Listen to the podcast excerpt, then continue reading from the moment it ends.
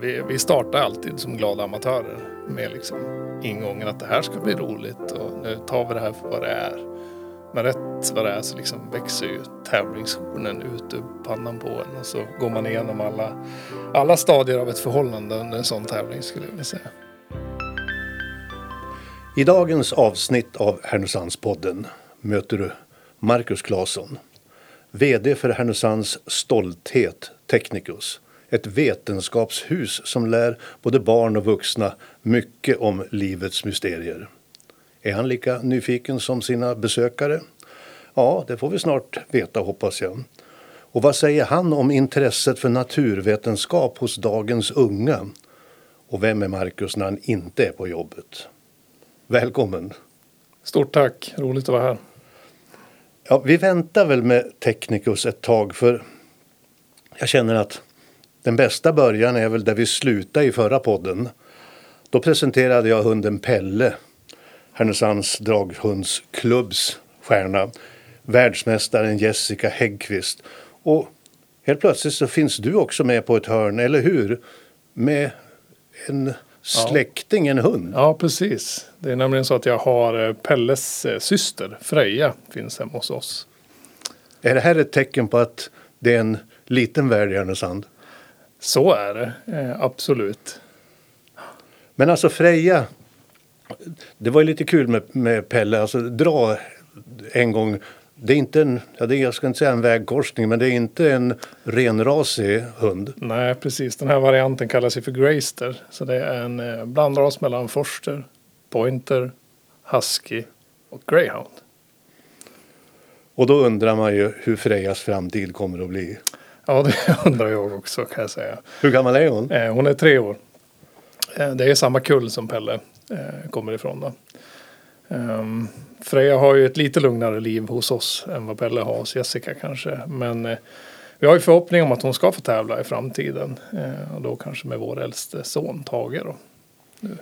Ja, han ska bli 13 nästa vinter. Ja, han fyller 12 nu efter sommaren. Eh, så nu börjar det bli läge att, prova på draghund, tycker vi. Ja, då blir det ännu ett intresse i familjen att klara av. Det där ska vi väl också komma tillbaka till. Men det låter ju lite spännande och roligt för Dragensklubben med lite påfyllnad av en tonåring. Absolut. Eh, det, det är det. Det är en eh, fantastisk klubb. Jag har tränat med dem vid tyvärr ett fåtal tillfällen. Vi hade velat att det skulle vara fler tillfällen som vi har tränat med dem. Ehm, det var också ambitionen när vi skaffade Freja. Men det är ju, livet kommer emellan ibland också. Ja, vi kanske ska fortsätta med det också då.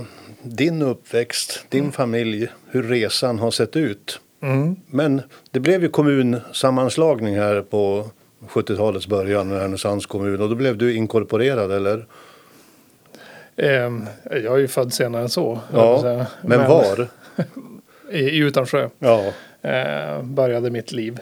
Uh, haft en, ja, det var en tid när bruket var igång. Alla hus var bebodda. Det fanns en, en stor mångfald i, Utansjö. Det var en fantastisk uppväxt som jag skulle rekommendera alla. Men det var också en egen kommun en gång i tiden? Det, det vet jag faktiskt inte. Mm. Det har du säkert rätt i. Eh, men det, det har jag ingen koll på. Men vad gjorde ni då? då? Ja, men mycket i mitt liv har ju kretsat kring idrott. Eh, min, eh, min kära mor brukar säga att jag var det mest rastlösa barnet hon någonsin har stött på. Då hon ändå varit dagmamma och haft hand om 13 barn samtidigt. Men så fort jag lärde mig gå så efter det har jag väl haft en, en boll vid både fötterna och i händerna. Och ja, mycket har kretsat kring idrott. Och då fanns ju Utansjö AIF. Vi, hade, ja, vi samlade bygden, vi spelade hockey på vintern, vi spelade fotboll på sommaren. Och det var liksom alla barn och ungdomar som, som hade det intresset gemensamt på något sätt. Och på bruket var det, var det många som jobbade på ja, fabriken? Ja, det var det ju. Det var det. Även i er familj? Ja, inte i vår familj. Eh, det var det inte. Min, min mamma har alltid jobbat inom skolan. Eh, och min pappa jobbade då eh, på, han jobbade som ledsagare på folkhögskolan. Men sen så kom du närmare och närmare skolorna i Härnösand. Ja, det är lite roligt det där för när, när jag växte upp så, ja, efter, att, ha- efter att ha varit i en, i en liksom skol, skolmiljö i form av samtal hemma vid middagsbordet med mamma så, så har jag alltid sagt att det enda jag inte vill bli när jag, när jag blir vuxen det är lärare. Och vid Inte ska man ju inte säga, säger Nej, de säger det. Så vid 19 års ålder då började jag ju studera till, till lärare. Då. Men då hade du gått på gymnasiet i Härnösand Ja, precis. precis. och är naturvetare. Nej, jag gick faktiskt ekonomiprogrammet. Ehm, Men jag blev ju naturvetare då, som, som inriktning på min, på min universitetsutbildning där jag är matematiklärare. Jag har förstått det, matte och engelska. Ja, precis. Det är en liten udda kombination faktiskt. Där det är både det naturvetenskapliga och det humanistiska.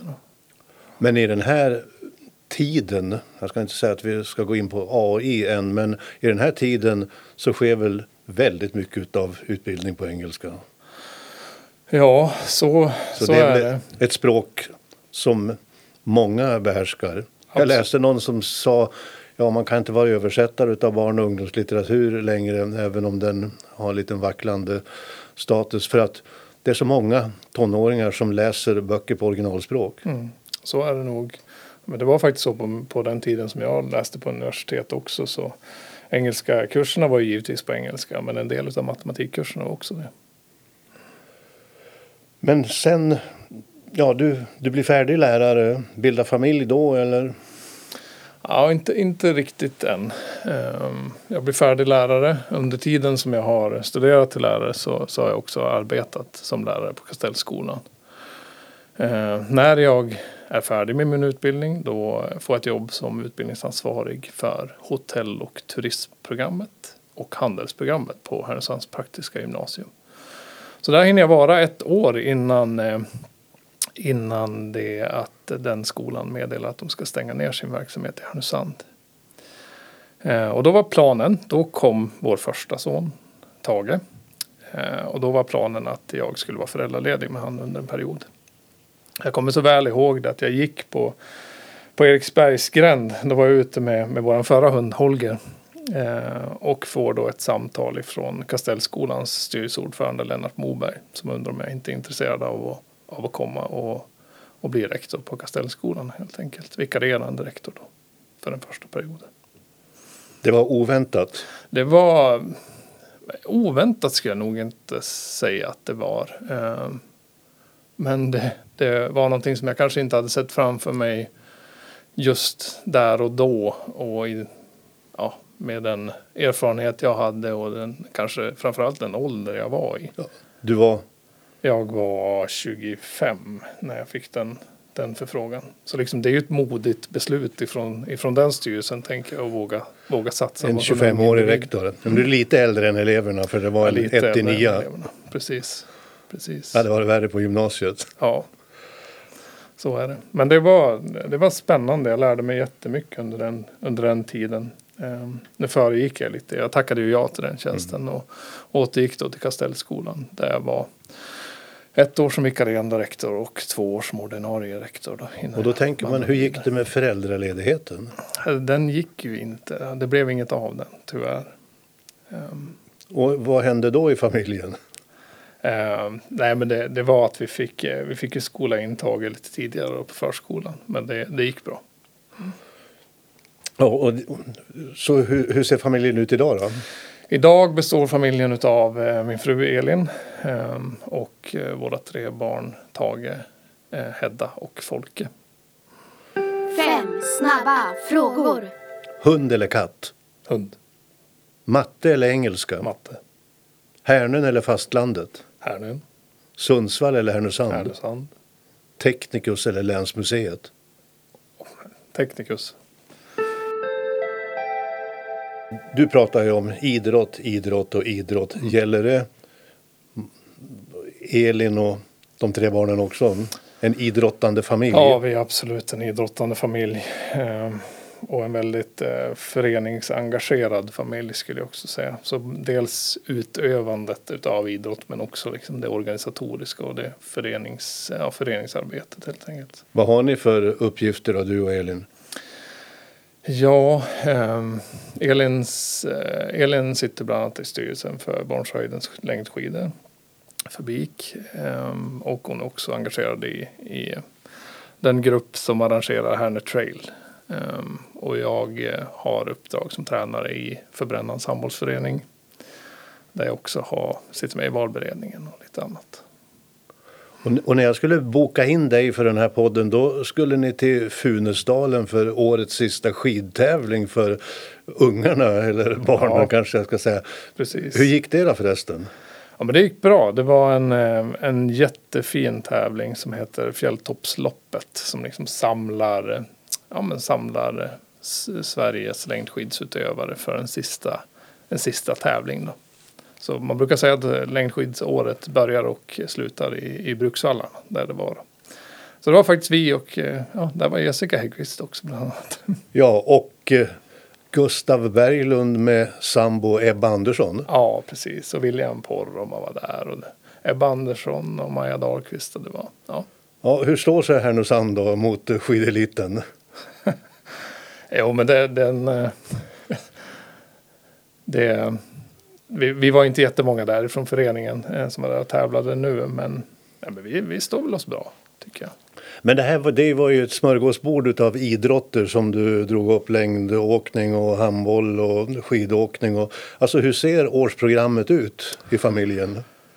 Ja, alltså årsprogrammet, det, det kommer lite, lite så här successivt eh, smygande på en ju, ju närmare man kommer datumen. Men eh, det, det blir ju liksom en veckoplanering varje, varje vecka för, för hur vi ska hinna med, hinna med våra åtaganden så att säga. Ja, det där är ju, det, det föreningsgemensamma är liksom en del i de engagemang som vi har också. Sen har jag ett antal andra styrelseuppdrag och andra ideella engagemang som jag är engagerad i. Så det, Men du sa Ja. någonting om skidåkning på vintern och orientering på sommaren. Ja, precis så är det. Precis så är det. Och det, det är lite roligt. Det är ju, I mångt och mycket är det samma människor som är engagerade i båda idrotterna. Det är bara nya klubbfärger liksom. Samma, samma människor, nya kläder. Ja, det är, det är väldigt, eh, väldigt hårdraget skulle jag säga. Men, men lite så är det. Men du var inne på det att eh, veckoplaneringen gäller. Kör ni den via mobilen eller på Nej, vi, vi vanlig, pratar faktiskt va- med varandra. analog planering? Ja, vi kör analog planering. Det, um, nej, men jag försöker liksom strukturera upp det enligt, efter bästa förmåga. Vad man ska säga. Så Men det var ju en tuff vecka här efter, efter um, påsken med ledningsgrupp och styrelsemöte. Och så när vi pratades vid så var du på väg för magnetröntgen utav ryggen. Ja, Någon gammal idrottsskada som gör sig påmind. Hur, har du fått besked förresten? nej, Hur jag har har det inte gått? fått beskeden hur det har gått. Men, eh, nej, men det blir väl så. Har man varit har man utövat idrott hela livet och så sen eh, blir man lite äldre och lite, lite Och större. du kan ju säga hur du, du är, men så gammal är du inte. Du nej, jag, är, är inte, jag är inte så gammal, jag är 37. men tror du att det är färdigtävlat? I, eh, för de sporter som jag har utövat tidigare, ja absolut. Eh, nya utmaningar, nej då är det inte färdigtävlat. Jag skulle vilja säga att vi, vi försöker utmana oss själva, jag och min fru, och, och anmäler oss till löplopp. Och vi tänkte väl att vi skulle försöka vara med på lite skidtävlingar nästa år. Så ni, ni, ni börjar som glada amatörer men riskerar att sluta. Ja, alltså vi har ett, vi har ett bra exempel när vi 2021 sprang vi ett lopp som heter Björkliden Arctic Mountain Marathon. Eh, två dagars fjällorienteringslopp där vi sprang i, mixed, ja, i ett mixed lag, jag och min fru.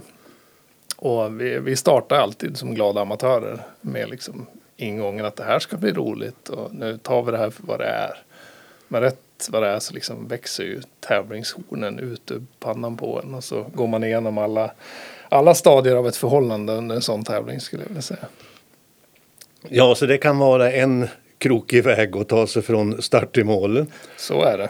En annan krokig väg, den har lett till Technicus. Du sa det att du är både naturvetare och språklärare.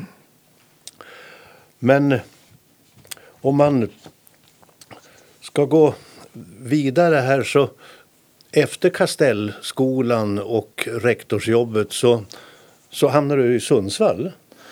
Ja, precis. Ehm, jag, eh, det, det hänger ihop lite grann med min nuvarande yrkesroll också. Men det finns någonting i, i liksom det entreprenöriella, eh, entreprenöriella arbetsmetoder, eh, angreppssätt liksom på pedagogiska modeller och sånt som, har, som, som jag har tyckt har varit bra i min egen roll som lärare när jag undervisade. Eh, jag har alltid varit sån, sån lärare som istället för att jobba i en lärare och bok så har vi jobbat med, med teman eller projektliknande aktiviteter och sånt. Och vet hur stor del entreprenörskapet betyder för, för liksom ta sig igenom processer eller vad man nu ska säga. Så det dök upp ett jättespännande jobb som regionchef för Ung Företagsamhet i Västernorrland. Eh, jag sökte det och, eh, och fick, fick den tjänsten helt enkelt. Så då blev det en utflykt till Sundsvall under några år. Det där kan ju också låta lite som en, alltså det entreprenörskap, som en omskrivning av det där som din mamma sa. Det kanske kan kallas rastlöshet. Få någonting gjort. ja, ja, det kanske är en del i det hela. Men, men det andra tycker jag är så ganska givna strukturer för hur man tar sig förbi hinder och hur man vågar utveckla sig själv. Men det är det här att sätta mål och, och hitta en väg dit och Ja. hitta en metod för det. Ja, och utmana sig själv skulle jag också säga. Och det ser du många ungdomar som är intresserade av. Absolut, det finns jättemycket entreprenöriella ungdomar. Det skulle jag säga. Men Technicus då, hur, hur fick de tag på dig eller fick du tag på dem? Jag fick tag på dem, ehm, skulle, jag, skulle jag nog säga. Det dök ju ut, eh, eller det dök upp den här tjänsten som utannonserades som vd. Och jag, jag sökte den. Ehm, jag tänker någonstans att, att min erfarenhet och min bakgrund eh, passar väldigt bra in där. Det här är fem år sedan vad jag förstår. Det var väl i januari 2018? Ja, precis. Stämmer det. Ett femårigt äventyr. Hur var det att stiga in i den där nya rollen då? Eh, jo men det har allt, jag, jag tycker alltid att det känns bra. Jag har alltid känt mig hemma när jag, när jag klivit in genom dörrarna där. Och jag skulle säga att jag blev väl omhändertagen när, när jag kom in där. Hade du varit där som besökare med, Absolut, med flera, barnen? flera gånger. Sen under perioden eh, från att jag, det gick ju ett halvår från dess att jag utannonserades som vd för Technicus till dess att jag tillträdde tjänsten. Och under den perioden så, så besökte jag också Technicus mycket och, och lärde känna personalen. Hur är det nu? Ägs ni av kommunen? Mm, ett kommunalt bolag. Ja, alltså hur, hur ser ekonomin ut? Vi var inne på det, ni har haft styrelsemöte. Är det, ja, hur ser, gör check på läget? Ja men eh, det är, väl, det är väl check på läget skulle jag säga. Eh, Technicus har en stabil ekonomi. Eh, Ända sedan 2018 har vi haft svarta siffror i, i resultatet. Så ja, det, kan- det är stabilt. Man kan beskriva det som en ganska liten organisation. Hur många är ni? Ja, vi är eh, 14, 14 månadsanställd personal och sen, sen har vi ytterligare timanställd personal som, som jobbar som värdar under helger och lov. Det är ofta ungdomar som har sitt första jobb eh, som kommer till oss.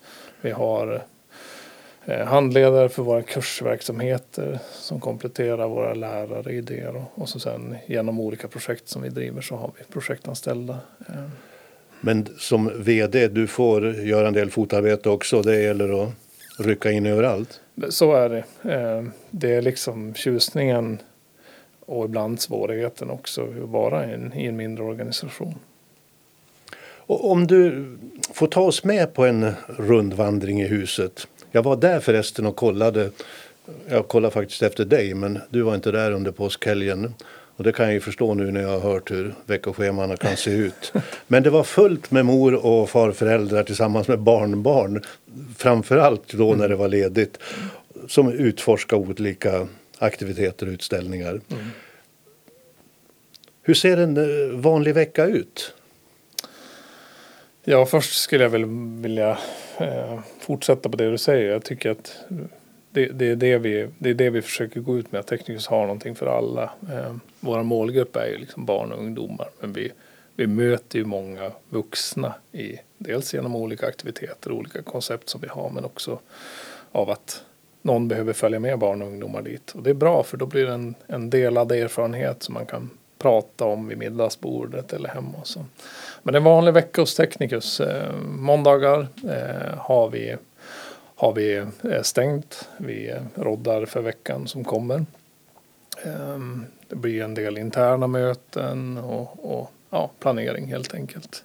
Undanstädning och, och reparationer efter, efter haft öppet för allmänheten. Tisdagar och onsdagar har vi, har vi öppet för bokade grupper. Så då har vi konferenser kan vi ha. Eh, vi har mycket skolprogram, förskolor, förskoleskolor som kommer till oss. Vi kan ha samverkan med universitet och, och så. Eh, torsdagar och fredagar har vi också öppet för bokade grupper. Men då har vi också öppet för allmänheten och det är torsdag till söndag. Ja, om vi tar en rundvandring då. Vad är, det vi, vad är det vi upplever och vad är det som fångar intresset där? Ja, men alltså det som fångar intresset hos, hos Technicus, det skulle jag säga att det är det, är liksom det upplevelsebaserade lärandet. Eh, att det vi erbjuder hands-on, det är praktiskt, det är man får göra. man får göra, man får klämma, känna, man får trycka på saker och ja, det, det är, ja man stimuleras av det tror jag. Sen har ju vi, vi har ju ehm, många områden, eh, de är temabaserade så vi har ju allt ifrån menar, allt ifrån matspjälkning till anatomi till astronomi till vattendel. Vi har programmering, vi har eh, eh, hälsotema på utställningar, vi har lufttema, vi har eh, kretsloppsteman, vi har hållbarhetsteman. Ja, så det finns, det finns många olika många olika perspektiv på naturvetenskap och teknik hos oss. Men det är mycket just sådana här liksom fysikaliska experiment också, elektriskt. Vad är, hur fungerar det? Ja, men så, så är det. Vad händer? Exakt. Exakt. Så det är dels ett görande men sen är det också ett varför, eh, eller hur, som, som ska förklaras på något sätt. Du sa du har blivit ordförande i Svenska Science Centerföreningen. Mm. Alltså hur är hur många sådana här vetenskapshus som jag kallar det finns det? Vi är 20 stycken medlemmar eh, från hela Sverige. Då. Så det är Teknikens hus uppe i Luleå som är den nordligaste punkten och sen har vi Malmö museer i, i söder. Då. Men vi har ett par stora drakar med i föreningen. Det är bland annat Tekniska museet i Stockholm. Vi har Tom Tits i Södertälje, Universium i Göteborg och sådär. Så. Mm. Hur rankas Technicus? Jag skulle säga att vi är ett medelstort science center eh, i relation till de andra medlemmarna. Jag gissar att ni i den föreningen också får diskutera intresset för naturvetenskap hos dagens barn och unga. Jag har sett någonstans nu när det var ansökningar till olika gymnasieskolor att mm. det är inte så hemskt många förstahandssökande mm. utan ja men vad tror du att vad betyder det här? Uh, nej men det är klart att det, vi, precis som många andra branscher så finns det ett kompetensförsörjningsbehov som, som vi är en del liksom i att arbeta med det uh, för att skapa intresse för, för våra branscher och natur, naturbranschen och, och teknikbranschen.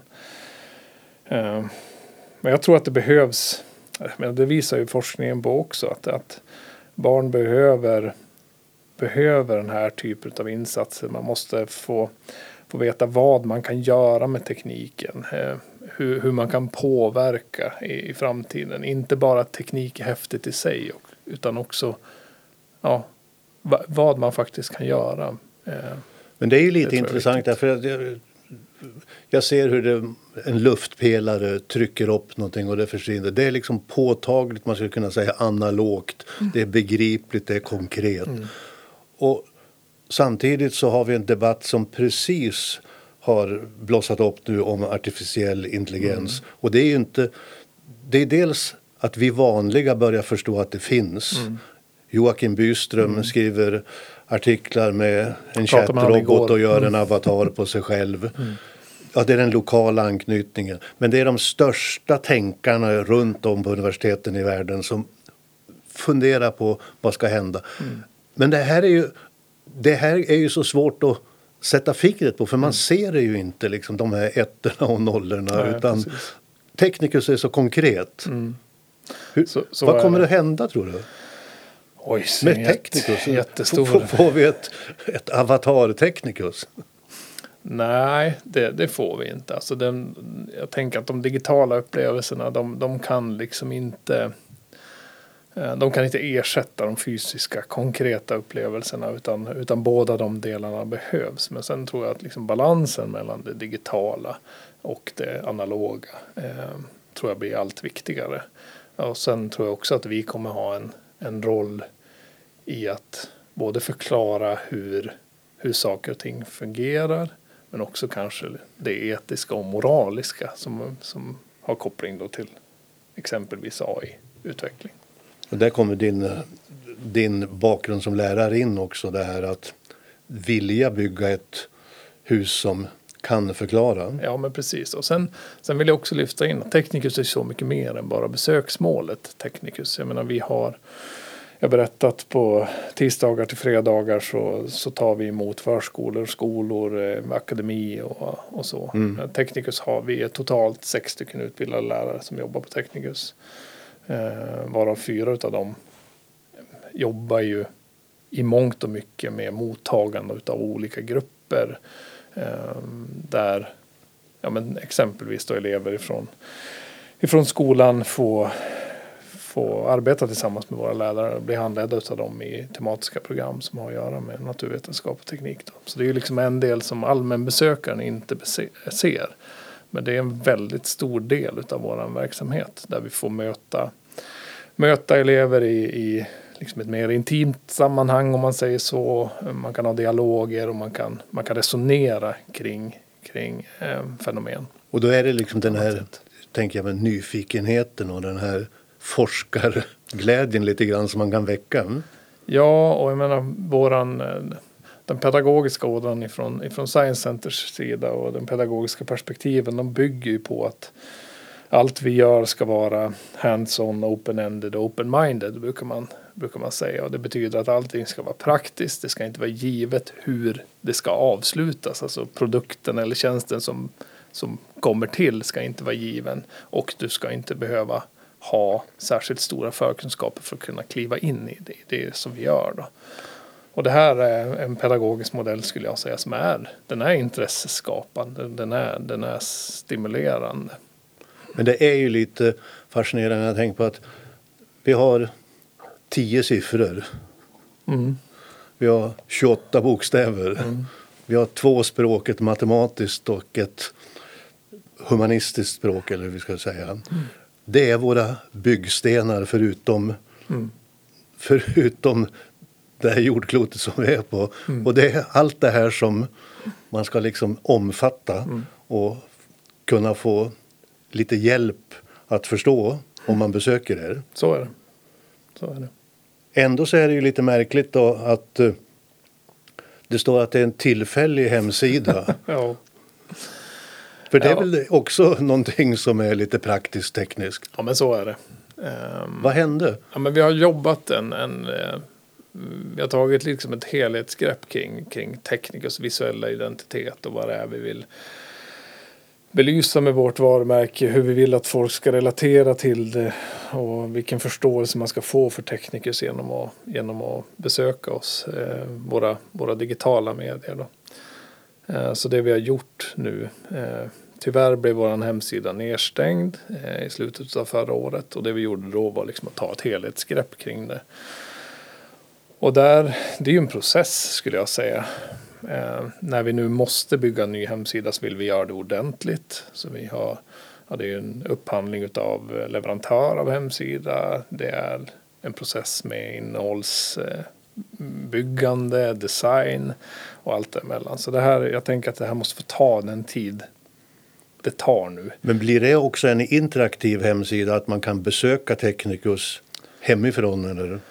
Ehm, nej, du kommer nog få en, en bättre förnimmelse eh, för vad som utgör teknikers utställningsmiljöer genom hemsidan. Så ska jag säga. Men den, den blir nog inte interaktiv i ett första skede i alla fall. Fem snabba frågor. Inomhus eller utomhus? Utomhus. Handboll eller fotboll? Handboll. Vinter eller sommar? Vinter. Fjäll eller hav? Fjäll. uppkopplad eller avkopplad. avkopplad. Jag vet inte hur mycket du omfatt, omfattar av det här men det är ju en ganska lång historia sedan Technicus etablerades. Det var 98 var första, eh, 2001 i nuvarande lokaler. Det, det där var ju lite spännande. Om inte jag har helt fel så var Bengt Pettersson en av de riktiga initiativtagarna. Och Bengt Pettersson så var det Torbjörn Fälldin och Sigge Tjärnlund om jag inte minns fel. Och förhandlade och fick tag på Wallenberg-stöd. Mm, precis. Hur känner du idag nu då? Jag menar, det är ju en fantastisk resa. Och det var i och för sig fantastiskt när det blev ett bibliotek en gång i tiden på 60-talet också. Men det är så härligt att det är innehållet i den där byggnaden som fortsätter att leva. Så är det. Så framtiden alltså, hur viktiga kommer de här science center att vara? Ja, men jag tror att de är, de är jätteviktiga. Eh, väldigt kortfattat, men eh, väldigt viktiga. Eh, dels utifrån det här kompetensbehovet för, för branscherna som vi har pratat om tidigare. Men vi ser det också som en del i en växande besöksnäring. Att, att eh, fler människor får upp ögonen för edutainment center som vi kanske skulle kalla oss för. Ehm, där, man, där man har gjort en, en ordlek med education och, och eh, eh center. Eh, ja, kunskapsturism liksom. Så ur många perspektiv viktiga. Många pratar ju också om den här nyindustrialiseringen utav Norrlandskusten, Torsboda-projekt och förhoppningar om massor med jobb. Alltså, vi såg ju att det fanns ett intresse från stiftelser, Wallenberg-stiftelser när Technicus etablerades. Ser du att det finns något stöd idag hos näringslivet förutom kommunen då, för att satsa på barn och ungas nyfikenhet och lärande? Det skulle jag absolut säga. Ehm, det här är, ju- det här är en fråga som, som inte bara det är inte bara Technicus som äger den här frågan utan, utan eh, branscherna i sig också eh, uttrycker ett behov och är ju ja, ur mitt perspektiv så, så ser jag ju att vi har en bra, en bra samverkan i, i många frågor. Eh, vi jobbar med Hantverksföreningen för att belysa deras, eh, deras yrken som utgör deras bransch. Vi har ju samarbete med Härnösands frakt och trädgård. Vi har samarbete med näringsliv för att finansiera vår kursverksamhet och, och så. Och sen är vi involverade i en hel del nätverk som jobbar med de här frågorna. Där också eh, branschen finns representerad. Så jag skulle säga att det är en stor fråga. Så när kommer den nya hemsidan upp? När kommer den här kampanjen när ni ska lägga nästa steg till er framtid? Eh, ja, men vi planerar för att den nya hemsidan ska finnas på plats innan, sommar, innan sommarperioden. Så vi jobbar ju intensivt med den nu då. Och har vi någon särskild sommarsatsning att avsluta med eller det här året? Ja, men vi kommer göra en, en del kring aktiviteter. Bland annat så kommer vi jobba för att stärka upp eh, Ronja-satsningen som, som sker nu eh, med Teater Västernorrland. Eh, hos oss så kommer man kunna fotografera sig med green screen. Där man får hoppa över helveteskapet. Heter det det? Ja, eh, det heter det. Man kan eh, få eh, fotografera sig som en eh, en rumpnisse. Lite sådana grejer för att stärka det och få upp ögonen för den teatern. Då. Vi kommer också ha lite interaktiva tipslinjer. Vi kommer ha magnetfiske tillsammans med Hemab. Ehm, vi kommer också eh, genomföra ehm, veckans station till exempel som vi kommer att husera på framsidan av Technicus. Så det kommer vara en del kring aktiviteter. Vi kommer också göra en riktad satsning mot fritidshemmen där vi åker ut till fritidshemmen för att, för att genomföra aktiviteter tillsammans med, med de barn som inte är sommarlovslediga helt enkelt. Och Technicus, hur kommer det vara öppet i sommar? För det är väl många som vill veta. För det kommer väl, som du säger, vara ett besöksmål? Det är det eh, förhoppningsvis. Nej men det är det ju absolut. Eh, Vi är öppet alla dagar under sommaren mellan 10 och 17. Så det, vi räknar med att det är full fart. Tack ska du ha Marcus. Vi får verkligen önska lycka till för det här är någonting som vi är stolta över i Härnösand och som barn och unga behöver. Gärna tillsammans med sina far och morföräldrar. Stort tack. Du har nu lyssnat på Härnösandspodden. Intervjun gjordes av Dag Jonsson. Ljudtekniker och producent var Martin Sundqvist på Alltid Marknadsbyrå. Musiken är gjord av Joel Nyberg på Lejonbröder. Fler avsnitt hittar du på www.harnosandspodden.se. Vem vill du lyssna på? Tipsa oss på info at harnosandspodden.se